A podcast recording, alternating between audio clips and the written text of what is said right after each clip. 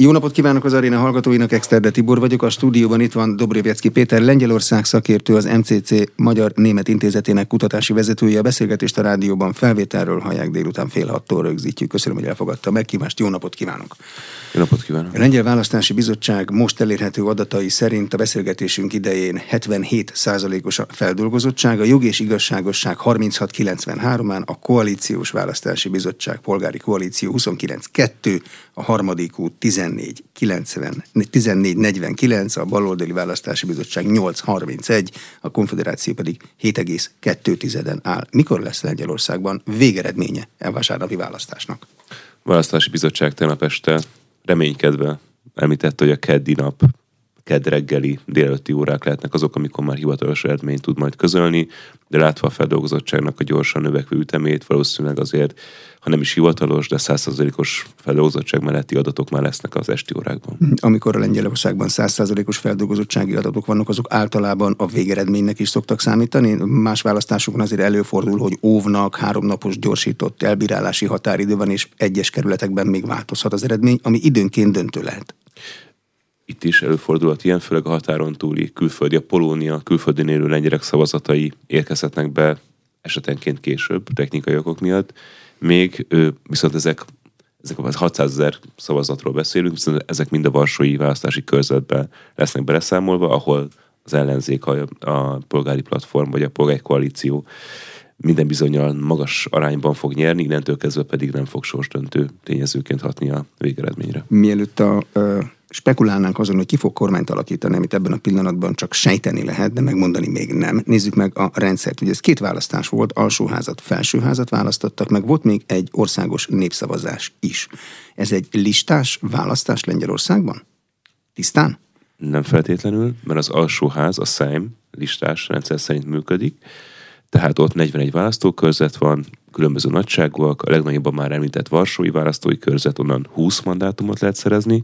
Itt érdemes leszögezni, hogy 460 mandátumú a Szejm, tehát a 20 a Varsói körzetből, a legkisebb Csesztohovaiból 7, és a többi eltérő nagyságú választókörzetből értemszerűen hol több, hol kevesebb mandátumot lehet szerezni. Ami nekünk fontos, az, hogy 231 mandátummal már lehet kormánytöbbséggel kormányt alakítani Lengyelországban, ez az alsóház.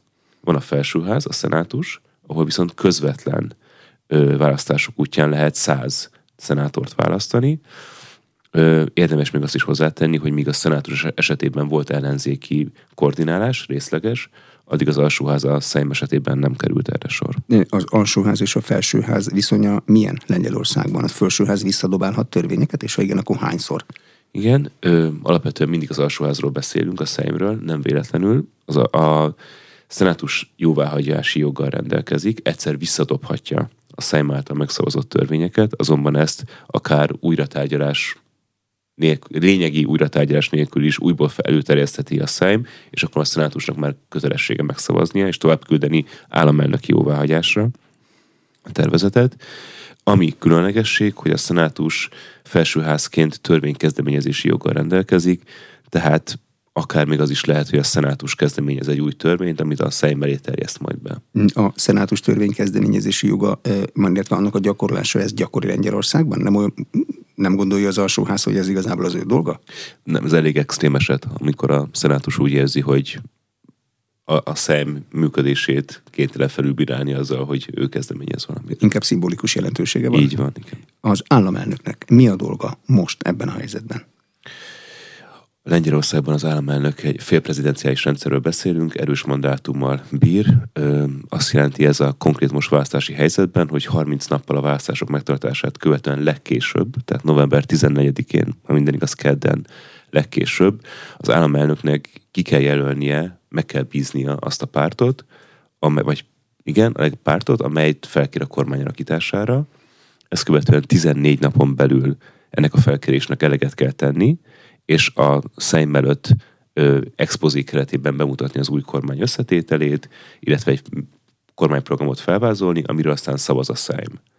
Amennyiben ö, elbukik a bizalmatlansági szavazáson ö, az államelnök által megbízott párt, úgy a kezdeményezés a Szejm kezébe kerül, legalább 46 képviselőnek értemszerűen többnek több is lehet, kell benyújtani egy indítványt, hogy szerintük ki lenne a megfelelő, vagy kik lennének a megfelelő erők az új kormány megalakítására, és akkor megint 14 nap a rendelkezésre folyamat megismétlésére, és amennyiben ez is el, ez lehetőség is elbukik, tehát egy padhelyzet áll elő, úgy az államelnök dönthet arról, hogy akkor újból előre, előrehozott választásokra kerül-e sor, vagy esetleg még egy próbát tesz egy másik párt számára ö, adja meg a lehetőséget. Mindez azt jelenti, hogy amennyiben ö, a forgatókönyv szerint a szabad így fogalmazni járunk el, és Andrzej Duda ö, PISZ színeiben regnáló államelnök a legerősebb pártot, a jog és igazságosságot fogja felkérni, azonban az meg fog bukni a szemben kellő szavazat, kellő többség hiányában, úgy akár decemberig is várható, mire feláll mondjuk egy új kormány Lengyelországban, addig pedig egy ügy, ügyvívő kormány viszi tovább az ország vezetését. Mennyire kötött az államelnök keze, amikor a választások után egy pártot kell megjelölnie? Mindig a legerősebbet kell megjelölnie, vagy kormányalakításra, vagy azt, akiről úgy gondolja, hogy össze tudja szedni a koalícióját, vagy szabadon dönt teljesen? Öm, szokásjog szerint elvileg a legerősebb pártot illeti. Tehát a államelnök általában a legerősebb pártot kéri fel. Persze lehet egy olyan eset, amikor a legerősebb párt azt mondja már előre, hogy nem kíván élni ezzel a joggal, különböző pártpolitikai stratégiából. Ez esetben az államelnök keze szabad, és mást fog kérhet fel új választást csak akkor írhat ki, hogyha az általa felkért politikai erő nem tudott kormányt alakítani, vagy politikai megfontolásba, akár most is kiírhatna egy új választást, hogyha neki nem tetsző eredmény születik mondjuk. Nem, akkor írhat ki új választást, amennyiben nem csak a neki nem tetsző jelölt bukik meg, hanem a Szejm által, vagy Szejm által legerősebb politikai ereje, által kezdeményezett új kormány is megbukik. Amennyiben olyan padhelyzet alakul elő, hogy se az államfő által delegált párt, se a delegált párt nem tud kellő többséget felmutatni. Mit mondanak az elemzők? Hogy látják, mi a legrövidebb forgatókönyv egy új lengyel kormányig most? Ez a november vagy a december? Én azt mondanám, hogy inkább az utóbbi, hiszen Andrzej Duda azon kívül, hogy méltatta, ugye magas részvételi arány miatt méltatta a demokrácia ünnepét, azért leszögezte, legalább nem, nem ő, egyenesen, de hozzá közel álló emberek már nyilatkoztak többször olyat, hogy alapvetően a szokásjog szerint fognak eljárni, tehát a jogos igazságosságot fogják felkérni legerősebb pártként, a jogos igazságosság pedig tegnap alapvetően Jaroszlav Kaczynszki pártának alapvetően egy két életem nyilatkozatot tett, mely szerint akár ellenzékből is kész a párt a programját megvalósítani, de nem, nem, nem keltette azt a benyomást, hogy, hogy most akkor azonnal átadná egy végeredmény esetén a, a stafétát az ellenzéknek. Mivel múlatja az idejét ilyenkor egy kormányzó, de választás utáni párt, ez esetben a PISZ? Ez megint a, a lengyel pártpolitikai térképet kicsit jobban szemügyre kell vennünk. Lengyelországban rengeteg párt és mozgalom bujik meg egy-egy nagyobb pártnév vagy pártcsaládnév mögött. Jelenleg is közel három tucat párt vagy mozgalom volt benne a szemben és ez a szám elvileg csak növekedett volna, amennyiben öm, úgy alakulnak a szavazások eredményei. Tehát ilyen esetben a jog és igazságosság mondjuk arra törekedhet, hogy a pártfegyelmet mindenképpen garantálja, első lépés, tehát akik eddig velünk voltak, maradjanak is velünk, és megpróbálja kikezdeni a pártfegyelmet más pártoknál, potenciális szövetségesek után néz, minél kisebb a különbség a győztes és a második a második alternatíván lévő párt vagy pártok között, annál jobban reális esély arra, hogy a vesztes pozícióban pillanatnyilag lévő párt próbál átsábítani magához egy-egy képviselőt, egy-egy kisebb pártocskát. Volt már erre jó sok példa lengyel demokratikus Lengyelország történetében is. Ezen a választáson látszik, hogyha a PISZ ezt a forgatókönyvet választja, akkor milyen pártokat próbál megkörnyékezni, hogy jobb lenne inkább vele kormányt alakítani? A választásokat megelőzően alapvetően ugye fontos lesz hogy van három, tehát két párt, egy pártszövetség, ők hárman a választásokat megelőzően utaltak arra, hogy ők örömmel együttesen leváltanák a jogos igazságot. Ellenzékben ők voltak, és rajtuk volt még, volt még egy negyedik ellenzéki párt, a konfederáció. Ez volt az egyetlen olyan párt, amely azt mondta, hogy akár a jogis igazságossággal is nem zárja ki az együttműködést, bár a kampány során elég erősen ostorozták egymást, mind a jogos igazságosság, mind pedig a konfederáció vezető politikusai. Azonban ez a párt annyira alulmúlta az előzetes várakozásokat, hogy még egy esetleges jog és igazságosság plusz konfederáció koalíció is bőven elmaradna a 231 mandátumtól, és akkor innentől válik izgalmassá a képlet, hogy kik azok a korábban határozottan elzárkózó, most esetleg mégis öm, erős csábításnak kitéve ö, akár oldalt váltó politikusok, vagy politikai erők, ö, a PISZ egy pártra, jogos igazságosság a PISZ egy pártra utalt konkrétan, ez a lengyel népi párt, a PSL, amely az elmúlt ö, évtizedekben baloldali pártkoalícióktól kezdve a PO-ig Don, miniszterelnök kormányában is benne volt, tehát sok koalíciós formátumban ez a párt benne volt, most pedig egy pártszövetség keretében ugrotta meg a 8%-os kuszöböt, és a PISZ konkrétan jelezte, hogy próbálunk majd tárgyalni velük, ahogy a végeredmény napirendre kerül, viszont a népi párt már-már nyomdafestéket nem tűrő módon kérte ki magának ezt a közeledést. Itt tartunk most, tehát a választások után egy nappal. Persze ez nem egy végleges álláspont, de látszik, hogy azért még itt sok víznek le kell folyni a víztulán ahhoz, hogy közeledjenek az álláspontok, illetve kérdés, hogy egyáltalán tud-e annyit, mindent, és annyi embernek ígérni a jogos igazságosság, hogy ez egy ténylegesen, ténylegesen reális forgatókönyv legyen. Ilyenkor a PISZ-nek egy másik oldalon nem nála lévő párttal, annak az összes emberével meg kell állapodni, vagy pártvezetővel kell megállapodni, és akkor az ahhoz a párthoz tartozó összes embert elhozza egy másik választási szövetségből be a parlamentbe? Nem, egyáltalán nem, hiszen pont a lengyel választási rendszer lényegéből adódik az, hogy adott választói listán egy párt mandátumot szerzett. Tehát az a konkrét választókörzetben lévő mandátumot bejutó embert, aki a listán szerepelt, ahol szerepelt, és elnyerte, elnyerte ezt a mandátumot, ha őt megnyerik, akkor ő azt mondja, hogy vagy pártot várt, vagy azt mondja, hogy most független, és a, a, majd úgy fog szavazni, ahogy kell szavaznia, tehát alapvetően egy konkrét személyekről van szó. Tehát egyenként kell megcsinálni, nem lehet pártot, de, csoport. De az lenne az egyszerű, persze. Tehát, hogyha, az lenne, hogyha van egy 18, mondok, hogy 18 mandátummal rendelkező kisebb párt, és őket így kollektíve át lehet húzni egyik oldalra a másikra, az a legegyszerűbb. Amennyiben viszont az van, mint ami volt az elmúlt ö, négy évben, hogy a jogos igazságoság ciklus közepén kisebbségbe került, és egyesével kellett vadászni a, a támogató szavazatokra, ott ezt láthattuk, hogy egyik hónapban egy képviselő jött innen, aztán egy független képviselő belépett a PISZ-be, és azért mindig megoldotta a jogos igazságosság azt, hogy a kellő többsége meg legyen. Mit szokás adni a lengyel politikában egy ilyen átállásért? Tiéd a közlekedési tárca, az összes vonatot te irányíthatod. Mit kell adni? Értem szerint, hogyha egy, egy nagyobb csoportnak a vezetője viszi át az egész csoportot, akkor a ő pozíciához méltóan kabinetben kap egy miniszteri posztot mondjuk. Öm, de igazából rengeteg helyi alkú is van. Tehát helyben is eldőlhet az, hogyha egy adott régióban van egy PISZ politikus, meg egy ellenzéki politikus, akik ismerik ott a helyi hát viszonyokat, akkor ők egy olyan paktumot tudnak tető alá hozni, ami aztán az országos, országos politikában is érezteti a hatását, de igen, tehát koalíciós tárgyalások során alapvetően ilyen esetekben is a kormány összetétele, illetve a háttérben lévő zsírosabb falatok elosztása dominálhat. Mm. Miről szokott szólni a koalíciós tárgyalás a lengyel politikában? Ideológiáról, üzletről, személyes ellentétekről a lengyel politikában szokatlanul erősnek tűnnek ezek innen nézve is, vagy a maximalizálható politikai haszonról. Miről?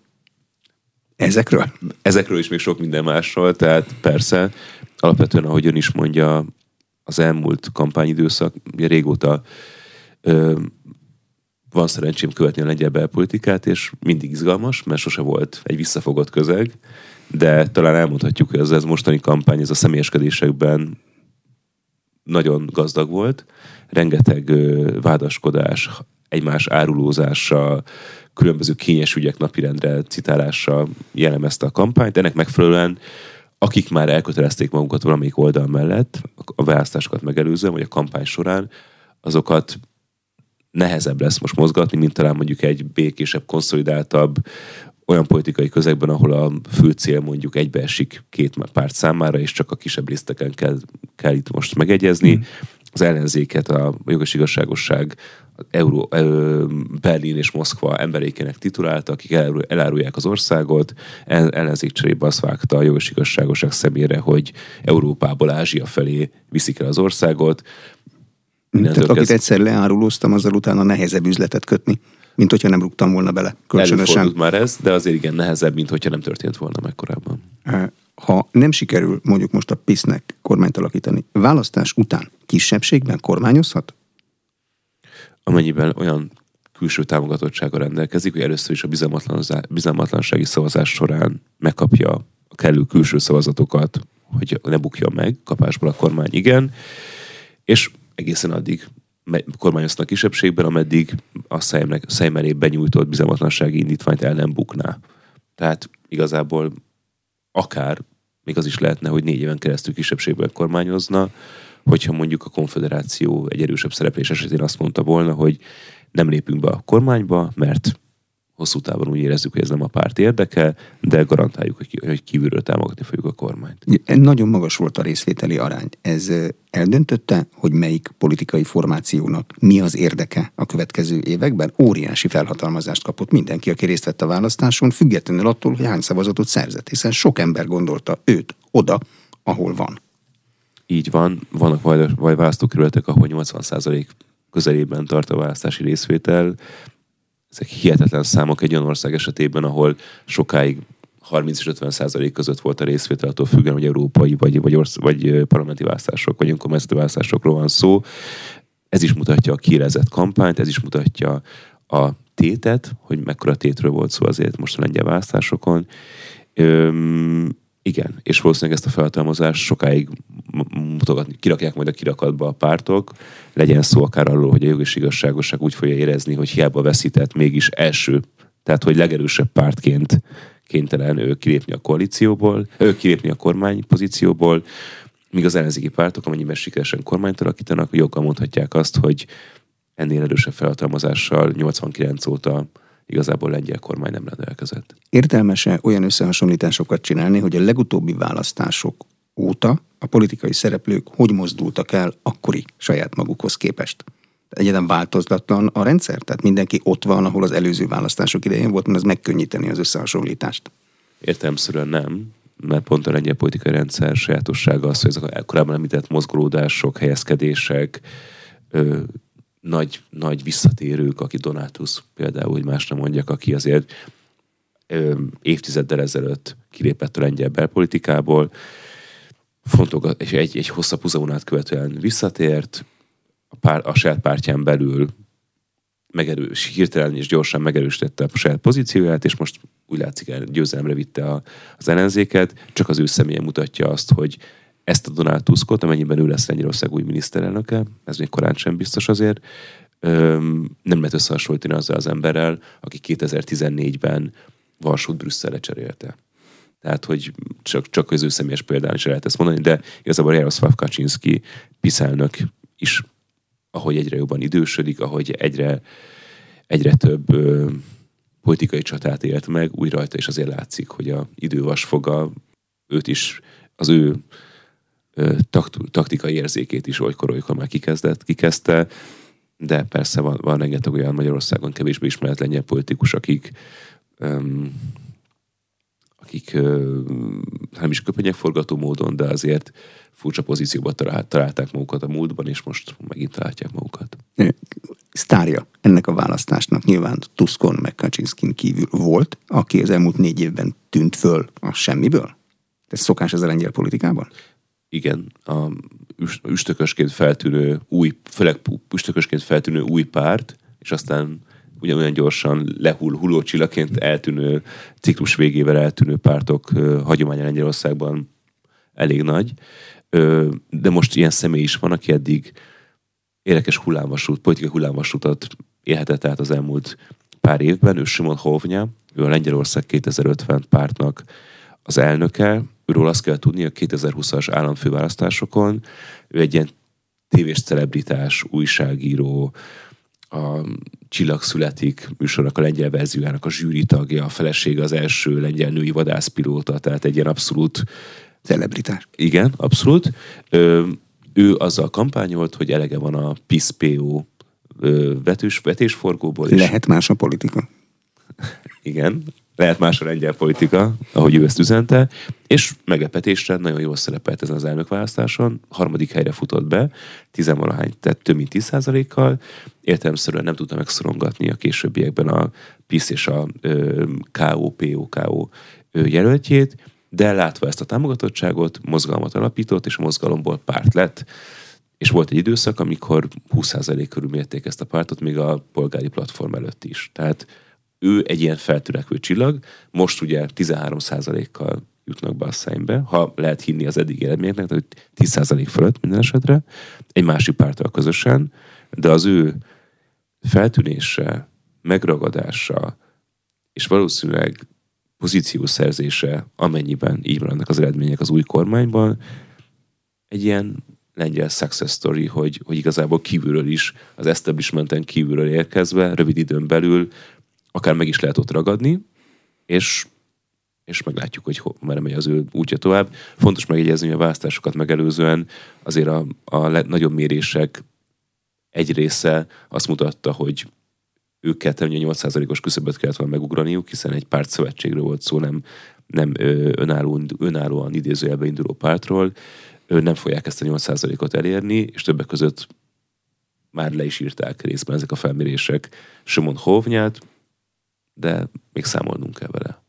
Megugrották. Ha ők nem ugorják meg, akkor Donald Tusknak matematikai esélye lett volna a kormányalakításra?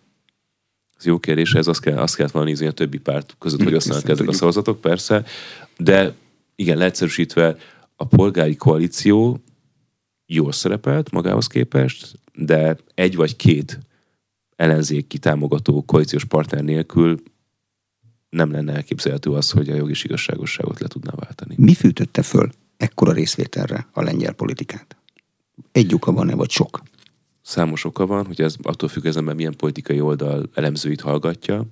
hogy Isten van szerencséje egy semleges elemzőt is hallgatni, akkor az is sokat mondó lehet.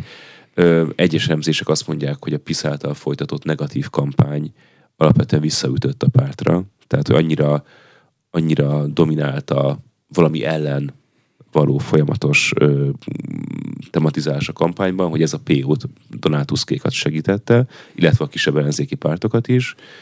Ez egyik dolog.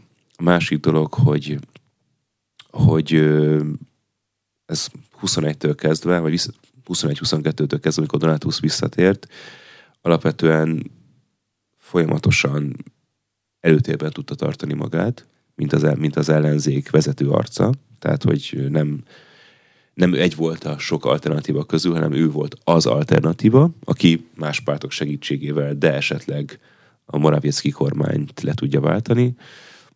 Öm, igazából ennek tudom be ezt a hirtelen észlelhető mobilitás, illetve azt, hogy ne felejtsük el az elmúlt négy év során olyan tömegtüntetésekre került sor Lengyelországba, amelyek egy korábban azért nem voltak annyira jellemzőek, legalábbis az elmúlt tíz évben, akár az abortusz kérdés mentén, akár más politikai ügyek mentén több százezer embert tudtak utcára vinni pártok, és a választásokat megelőzően is a, a polgári koalíció Varsóban egy nagy tömegtüntetést tartott. Annak a fiaskója egyfajta előjelet, elő, előjelet volna, lehetett volna annak, hogy azért a mobilizáció nem arra afelé halad, amit a párt szeretett volna elérni. Szerintem ennek az ellentétje történt. A vártnál ez a millió szíva a Lengyelországért, tehát a szabadságért, tehát alapvetően a millió szó volt itt kihangsúlyozva. A egyik oldal szerint ez meg, megtörtént a millió, a másik oldal szerint ez százezer volt, valószínűleg az igazság valahol félúton lehet, de akkor is azért egy, egy nagy számról beszélünk, akik választások előtt 10-12 nappal demonstrálták azt, hogy, hogy, hogy rá is alternatíva lehet. Az, ami négy évvel ezelőtt nem tűnt annak. Hétfőn délután 8 perc múlva van 6 óra a Lengyel Választási Bizottság az eredmények 80%-os feldolgozottságánál tart. Ez ad alkalmat mandátumbecslésre is? Tehát látjuk már nagyjából, hogy pontosan ki mit fog kapni, ha ez így marad? Pontosan nem, de, de látjuk már Még 20% kéne. Igen, nem, nem, nem szokott előfordulni, ezt a 20%-ot egy párt kapja pont, értelmszerűen. Innentől kezdve az arányok nagyjából megvannak, persze finom, finom elhangulások lesznek, úgyhogy szerintem megpróbálkozhatunk egy ilyen becsléssel. Nézzük, mennyit kap a PISZ? A PISZ 196 mandátumot fog kapni, és ezzel a exit poll ban számára jelzett 200 mandátumtól is elmarad jelen pillanatban. Mennyit kap a második polgári koalíció? Ők Jól láttam, bocsánat, most puskáznom kell. 158-nál tart per Még pillanat. mindig nincs meg a 231 egyik oldalon se, nyilván. Nem, de szerintem itt azért inkább a utóbbi esetében fog még nőni a mandátumok száma. De miért nő ilyenkor a mandátumok száma? Külföldről bejövő szavazatok? Nem, ugye arról korábban beszéltünk, ez mind, mind egy választókörzetbe kerül beszámításra a Varsóiban, ahol a felmérések azt mutatják, hogy rommá nyerte magát, hogy szépen magyarul fog, magyarosan mondjam a, a ellenzék a polgári platform magát. Nem, hanem azért, mert ugye először a kisebb választói körzetekből, a kisebb településekről érkeznek be, értelmszerűen a hamarabb megszámolni. Így van, és ez hagyományosan mindig így van Lengyelországban, először a vidéki szavazatok jönnek be, aztán a nagyvárosiak, és általában még a végül megérkeznek határon túli szavazatok is. Értemes úgy összesíteni, hogy a PIS meg Donald Tusk koalíciós társai fel tudják-e hozni 231-re a mandátum számot a szemben? A PISZ koalíciós társai benne vannak ebben a 196-ban per pillanat, hiszen ők a közös listán, PISZ neve alatt közös listát állítottak, innentől kezdve ott, aki Nincs volt több. koalíciós társ, az ott benne van ebben. A polgári platform, polgári koalíció esetében van még ugye két másik jelentkező, az új baloldal, ahol most mondok egy számot, meg én elnézést puskazni fogok, 30 mandátummal, az már így ugye 288, 188 per pillanat, és van még a harmadik út, a maga 61 évvel, ami 249, ha most így felben gyorsan összeadtam és stimmel. Hát megvan nekik. Bőven megvan. Bőven megvan. Ne, nincs meg a 3 5 ami ugye ahhoz kellene, hogy felülírják a államfői vétót, az a 276, az a lengyel demokrácia történetében, a modern lengyel demokrácia történetében még senkinek nem volt meg kormányon, úgyhogy az elnöki vétó fontossága marad a jövőre nézve is, ha így marad minden, de kényelmes többséggel rendelkeznek. Mm, ez elnök mandátuma meddig szól? Egészen a, a most kezdődő új választási ciklus végéig? Nem, öt éves ö, terminusokra választják az elnököt Lengyelországban, és ugye 20-ban volt a választás, tehát 25-ben lesz majd elnökválasztás Lengyelországban. Négy éves a lengyel választási ciklus is? Öt. Öt. öt, öt, öt Tehát éves. akkor még legalább három évig az elnökkel együtt kell élniük? Hát két évig. Két évig. Tehát, két év, és akkor 23-25-ben választás, igen, másfél-két év mondjuk így. Uh-huh. Van-e esély ebben a pillanatban 80%-os feldolgozottságnál a PISZ oldalnak mandátumokat vadászni? Ez ebben az esetben szokás-e? Kit fog megkörnyékezni, így is lehetne kérdezni. De ahogy már beszéltük korábban, már csak a játékedőért úgymond megkörnyékezheti a, a, lengyel, a harmadik útban benne lévő lengyel népi párti képviselőket. Ö, szerintem ez egy holt kísérlet ilyen helyzetben, hiszen annyira nagy a különbség a két oldal között, hogy, hogy, hogy nehéz olyat ajánlani annak a pártalakulatnak innentől kezdve, ami miatt kollektív átállna párt. Azt is mondhatná igazából a párt kétharmada, hogy átmegyek a PISZ-hez, de egyharmad még mindig marad, és akkor szintén ez kevésnek bizonyulhat. Mikor derül ki, hogy ez a 80%-os választási feldolgozottsági arány valósággá válik-e? Itt jön az államelnök szerepe, és ilyen különbségeknél is várni szokás decemberig? Ö, nem, ugye erről beszéltünk korábban, hogy ha meg lesz a százszerzékos feldolgozottság, lesz egy hivatalos eredmény, amikor a Lengyel Választási Bizottság bejelenti, hogy akkor most ez a végeredmény, és akkor az elnök eldönti most, hogy úgy tesz, mintha nem látná, hogy ott van egy alternatív, mag, kezét magasra emelő pártösszefogás, hogy ők, ők, mi most szeretnénk kormányt alakítani, és inkább akkor a legerősebb pártot fogja felkérni. Szerintem ez fog történni minden bizonyal. És akkor elhúzó, elhúzódhat a kormányalakítása, vagy alternatív esetben a jog és azt mondja, hogy elismerjük a verességet, és eltek, meg se próbáljuk a kormányalakítást. A lengyel politikában van-e szabály vagy szokások arra, hogy egy kormányt alakító választáson résztvevő pártnak mi a jogköre. Minden csinálhat-e, mint hogyha nem lett volna választás, ez esetben a PISZ, vagy valami korlátozott jogköre van, ügyvezető kormánya például. Ügyvezető kormány abszolút, tehát innentől kezdve most pontosan az, hogy az alkotmány mit és mit nem enged meg egy ügyvezető kormánynak, azt most így fejben nem tudom elmondani, de az biztos, hogy, hogy mind szokásjog, mind pedig alkotmányjog alapján azért egy egy ügyvívői státuszra rendelkezik a jog és igazságosság kormánya, tehát nem most egyeznek ki például az Európai Unióval a igazságügyi reform vitájával kapcsolatban. Ilyenkor megismertetik egymást a dokumentumokkal, tehát mostantól kezdve Donald Tusk bejáratos a szennybe, meg a képviselők ott látnak mindent, mint Nagy-Britanniában szokás ez? Vagy, vagy ez a lengyel politika, ez nem ilyen? Hát a múltból tanulva azt mondanám, hogy azért kevésbé elegánsak lehetnek a, a lengyel pártok egymással. Ahogy a beszélgetésünk első felében is elhangzott, rengeteg személyes sérelem van a képben, és emiatt kétlem, hogy, hogy egy baráti készfogás keretében kerülne sor a hatalom átadására, nem kell is semmi drasztikusra gondolni, nem lesz nem lesznek tömegtüntetések, zavargások az utcán, nem fogja kétségbe vonni az ellenzék, a, a jogos igazságosság az ellenzéki pártok sikeres szereplését, hiszen maga az államelnök, a közülük kikerülő államelnök is a demokrácia diadalaként jellemezte a magas részvételt, tehát sem a bizottság, se az államelnök, se a pártok nem jelentette ebbe olyan anomáliákat, ami előrevetíteni azt, hogy valaki, valaki meg, elutasítaná, elutasítaná a végeredményt. Ellenben nem, nem hinném, hogy, hogy a jogos igazságosság, ha megteheti, nem fog még egy utolsó fricskát Donald Tuskék irányába megengedni magának, és elodázni, ameddig lehet az új kormány felállását. Mennyire kell lengyel politikában komolyan venni azt, hogy a e, Donald Tusk féle párt a kormány több tucat tagját fenyegette meg büntetőeljárással? Név szerint. Igen, ez példátlan. Tehát pont, pont ez egyik olyan dolog, amiről korábban szó volt, hogy, hogy onnantól kezdve, hogyha az a kampányol az ellen, politikai ellenfelem, hogy amennyiben le tud győzni engem, úgy bíróság elé állít, nem biztos, hogy annyira pozitívan fog viszonyulni az irányába. Lengyelországban most ez a helyzet. Csodálkoznék, hogyha egy-két ö, kisebb esetről eltekintve a leg, legnevesebb politikusokat ö, bíróság elé tudná állítani az új, új ellenzéki kormány, amennyiben felállna. Ö, azt lehet viszont képzelni, hogy a, amint lehet le fogja váltani azokat a top állami ö, cégekén lévő menedzsereket, vagy, vagy felügyeleti bizottságokat, amelyeket a jogos igazságosság nevezett ki. Sőt, ugye a kampányában a KO azt is belengedte, hogy 14 olyan intézményt, amelyet a jogos igazságosság 8 éves kormányzása alatt hoztak létre Lengyelországban, azonnali hatájára meg fog szüntetni. Mennyire van átítatva a lengyel gazdaság politikával is viszont? Azért kérdezem, mert ott az Orlen vezetőjét is le akarják váltani, azért ez mégiscsak egy, egy regionális vezető nagyvállalat. Igen. Vannak gazdasági kockázatai, ha ott a vezetőt elkezdik mozgatni.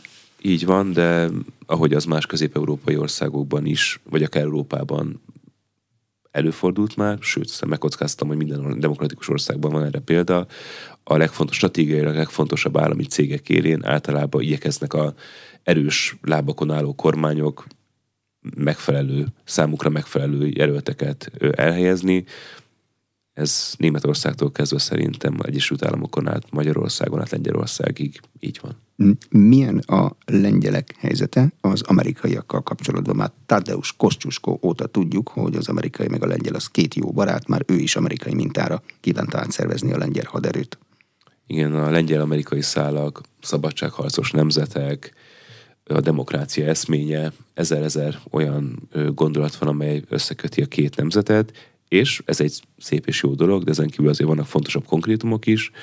Egyik ilyen konkrétum az, hogy a lengyel nemzetbiztonsági stratégiák, a független demokratikus Lengyelország létrejött óta szinte folyamatosan a hangsúlyt az Egyesült Államokkal való bilaterális védelmi és biztonságpolitikai kapcsolatokra helyezik. Mit jelent ez?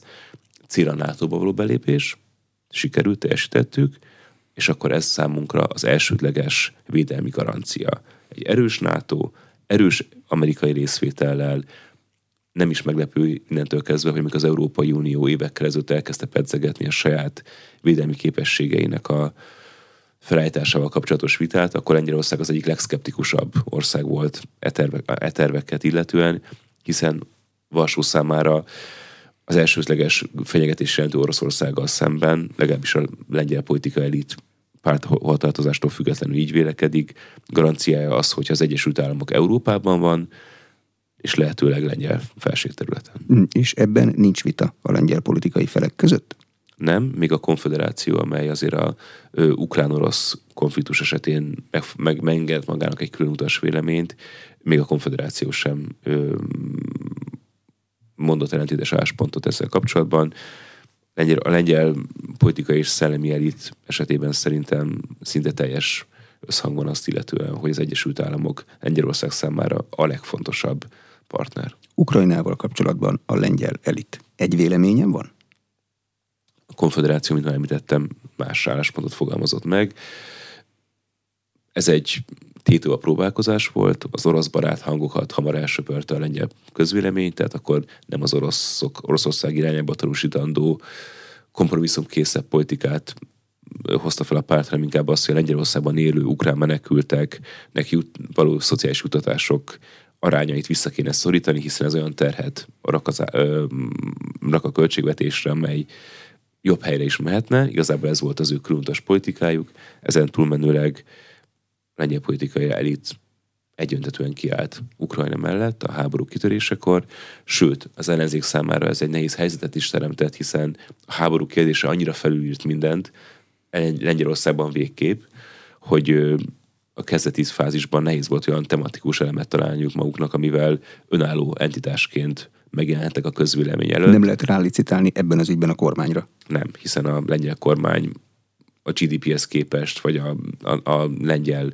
nemzet potenciálhoz képest azért elég ö, magas arányban nyújtott mind pénzügyi, mind katonai ő támogatást Ukrajnának, illetve fogadta be az Ukrajnából érkező menekülteket, akik persze részben tovább haladtak utána Németországba, de azért így is sokan maradtak. Miről szólt a kampány? Háborúról? Ideológiai kérdésekről? A hazaárulózásról? Tehát mi volt a magja?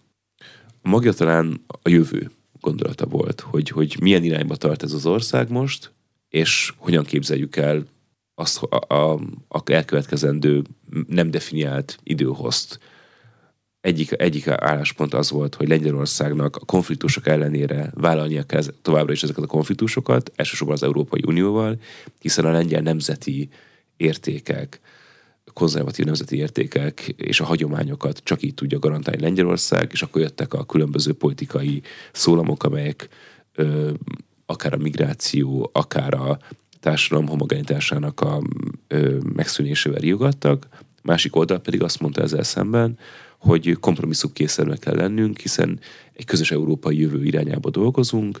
Az, hogyha, hogyha Európa páriái vagyunk, most szinte egy túlzó ö, politikai szólamot mondva, ö, ha ebben a helyzetben van folyamatosan Lengyelország, az hosszú távon rendkívül káros az ország számára, és éppen ezért törekedni kell arra, hogy a nemzeti érdekek figyelmevétele mellett azért valamiféle kompromisszumos helyzet is létrejöjjön. Milyen a lengyelek testtudata az Európai Unióban? Méretükhöz arányos, méretüknél nagyobb, fontosságuknál kisebb, nagyobb. Szokták mondani, hogy kis ország az jó, hogyha tudja, hogy hol a helye, de Lengyelország nem olyan kicsi. Igen, és Lengyelország, sőt a lengyelek nem is tekintenek magukra kis, állam, kis országként, vagy kis ország állampolgáraiként. Mm, sok mindent lehet megmagyarázni a lengyel politikai célokkal, stratégiai célokkal, még pedig ez a középhatalmi cél. Közép-Európában meglátásom szerint már de facto elérte Lengyelország ezt a pozíciót.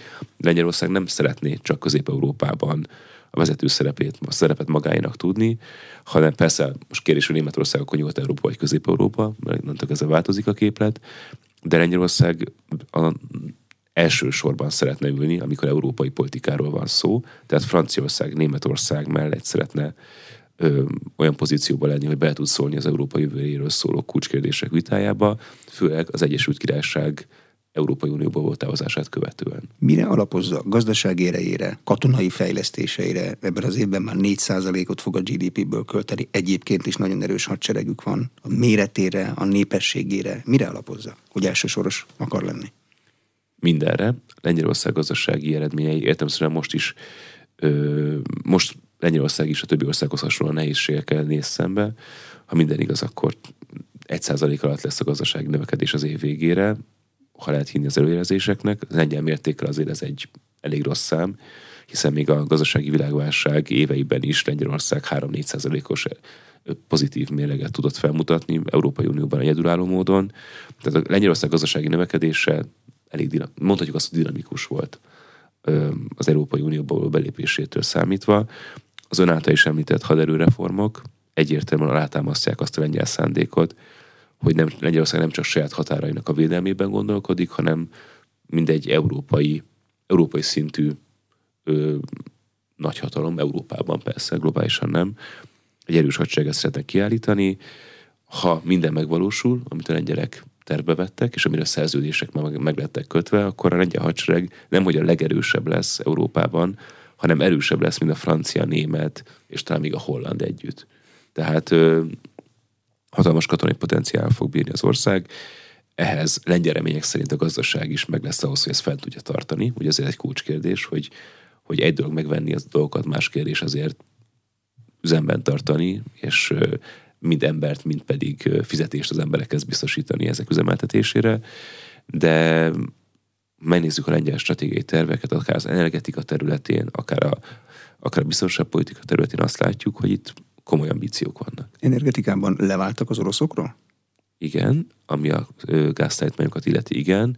A kőszén esetében ugye ez egy fogas kérdés Lengyelország esetében, hiszen Lengyelország büszkén szereti mutatni azt, hogy levált, közben azért harmadik országok bevonásával az orosz kőszén export úgy, ahogy de eljutott Lengyelországba arányaiban még mindig, tehát nem teljes leválás, de Lengyelország esetében el kell mondani azt, hogy a leválási szándék már korábban megjelent, nem 2022 vagy azt követően, hanem 14 2014-et követően az ukrán-orosz konfliktus, mostani konfliktus kiindulási pontját követően a, a balti tenger mellett megvalósító LNG, tehát cseppfolyós gázterminálok is ezt mutatják, azoknak a terve akkor született meg, meg is építették őket, tehát ugyantől kezdve ez a ö, opció is él a Balt Norvégia felé megépülő tenger alatti ö, vezeték, a Baltic Pipeline is egy újabb ilyen projekt, ami ugye nem pár év alatt valósult meg, hanem ö, egy döntést követően az jó pár évig építették, ö, illetve, ami fontos tényállás, és akár Magyarországonnak számára jó hír is lehet a jövőben, hogy Lengyelország, mely korábban nem rendelkezett atomerőművekkel, most nagyon komolyan ö, ráfog erre a kérdésre feküdni, ha lehet így mondani, és nem csak klasszikus értelembe vett reaktorokat fog építeni, dél-koreai és amerikai technológia bevonásával. Nem orosz. Nem orosz. Nyilvánvalóan. Igen, az, az egy némi, némi meglepő lenne, hogyha a múlt ismeretében Gazprom befutó, nem is a Gazprom, a Rosszatom elnézés befutó helyen szerepelt volna a beszállítóknál ö, hanem igen, amerikai, dél-koreai, potenciálisan francia, és nem csak nagy reaktorok, hanem a kis moduláris reaktorokat is építeni fog, már-már saját hatáskörben úgymond. Tehát, hogy ott már a különböző energetikai cégek is engedélyeztetési folyamatban jól előállnak azt illetően, hogy különböző vajdaságokban melyik cég fog építeni ilyen moduláris reaktorokat. Kiket tekintenek a lengyel külpolitikusok a szövetségeseiknek? Melyik országot? Amerikán kívül nyilván. Igen. Balti államokat, tehát megint a, a, a szempontrendszert teljesen felülírja az Oroszországhoz való viszony. Tehát a lengyel külpolitika és a lengyel nemzetbiztonsági stratégia számára Oroszország és az Oroszországtól való ö, biztonságos kezekben való ö, lét gondolatom sok mindent felülír, éppen ezért a balti államok, a történelmi örökség miatt is, de a közös külpolitikai és biztonságpolitikai cél miatt is a balti államok. Fontos partnerek, gazdasági értelemben Németor- Németország a legfontosabb, ami ugye annak fényében vicces, hogy a lengyel belpolitikában a német kártya az egy visszatérő... Háborús hát kártérítés. Háborús ugye? kártérítés, ki a ki Berlin ügynöke, ki az, aki a, lengyel, a német nagytőke érdekében kiárusítaná az országot. Ezek mind ugye folytatólagosan elhangzott vádaskodások. Tehát a gazdaságilag Németország kult szereplő, biztonságpolitikailag a NATO keleti államai, akár köztük Magyarország is, a Magyarország is a NATO keleti periférián helyezkedik el. Ezt követően pedig mondanám, hogy az Egyesült Királyság, csak ugye az Egyesült Királyság szerepe a Brexitet követően azért némileg csökkent, még Lengyelország számára is, ettől függetlenül a bilaterális kapcsolatok nagyon jók, amikor a belorusz-lengyel határon, lengyel-belorusz határon a migrációs krízist első alkalommal tapasztalták meg test közelből a lengyelek, akkor a Egyesült Királyság szimbolikusan küldött is még műszaki alakulatokat, hogy segítsenek a határzár építésében. Tehát ezek a szimbolikus gesztusok mutatják azért, hogy, hogy a bilaterális kapcsolatok elég jók. Látta összefüggést a lengyel kormány miensége, meg Magyarország Európai Uniós pozíciója között?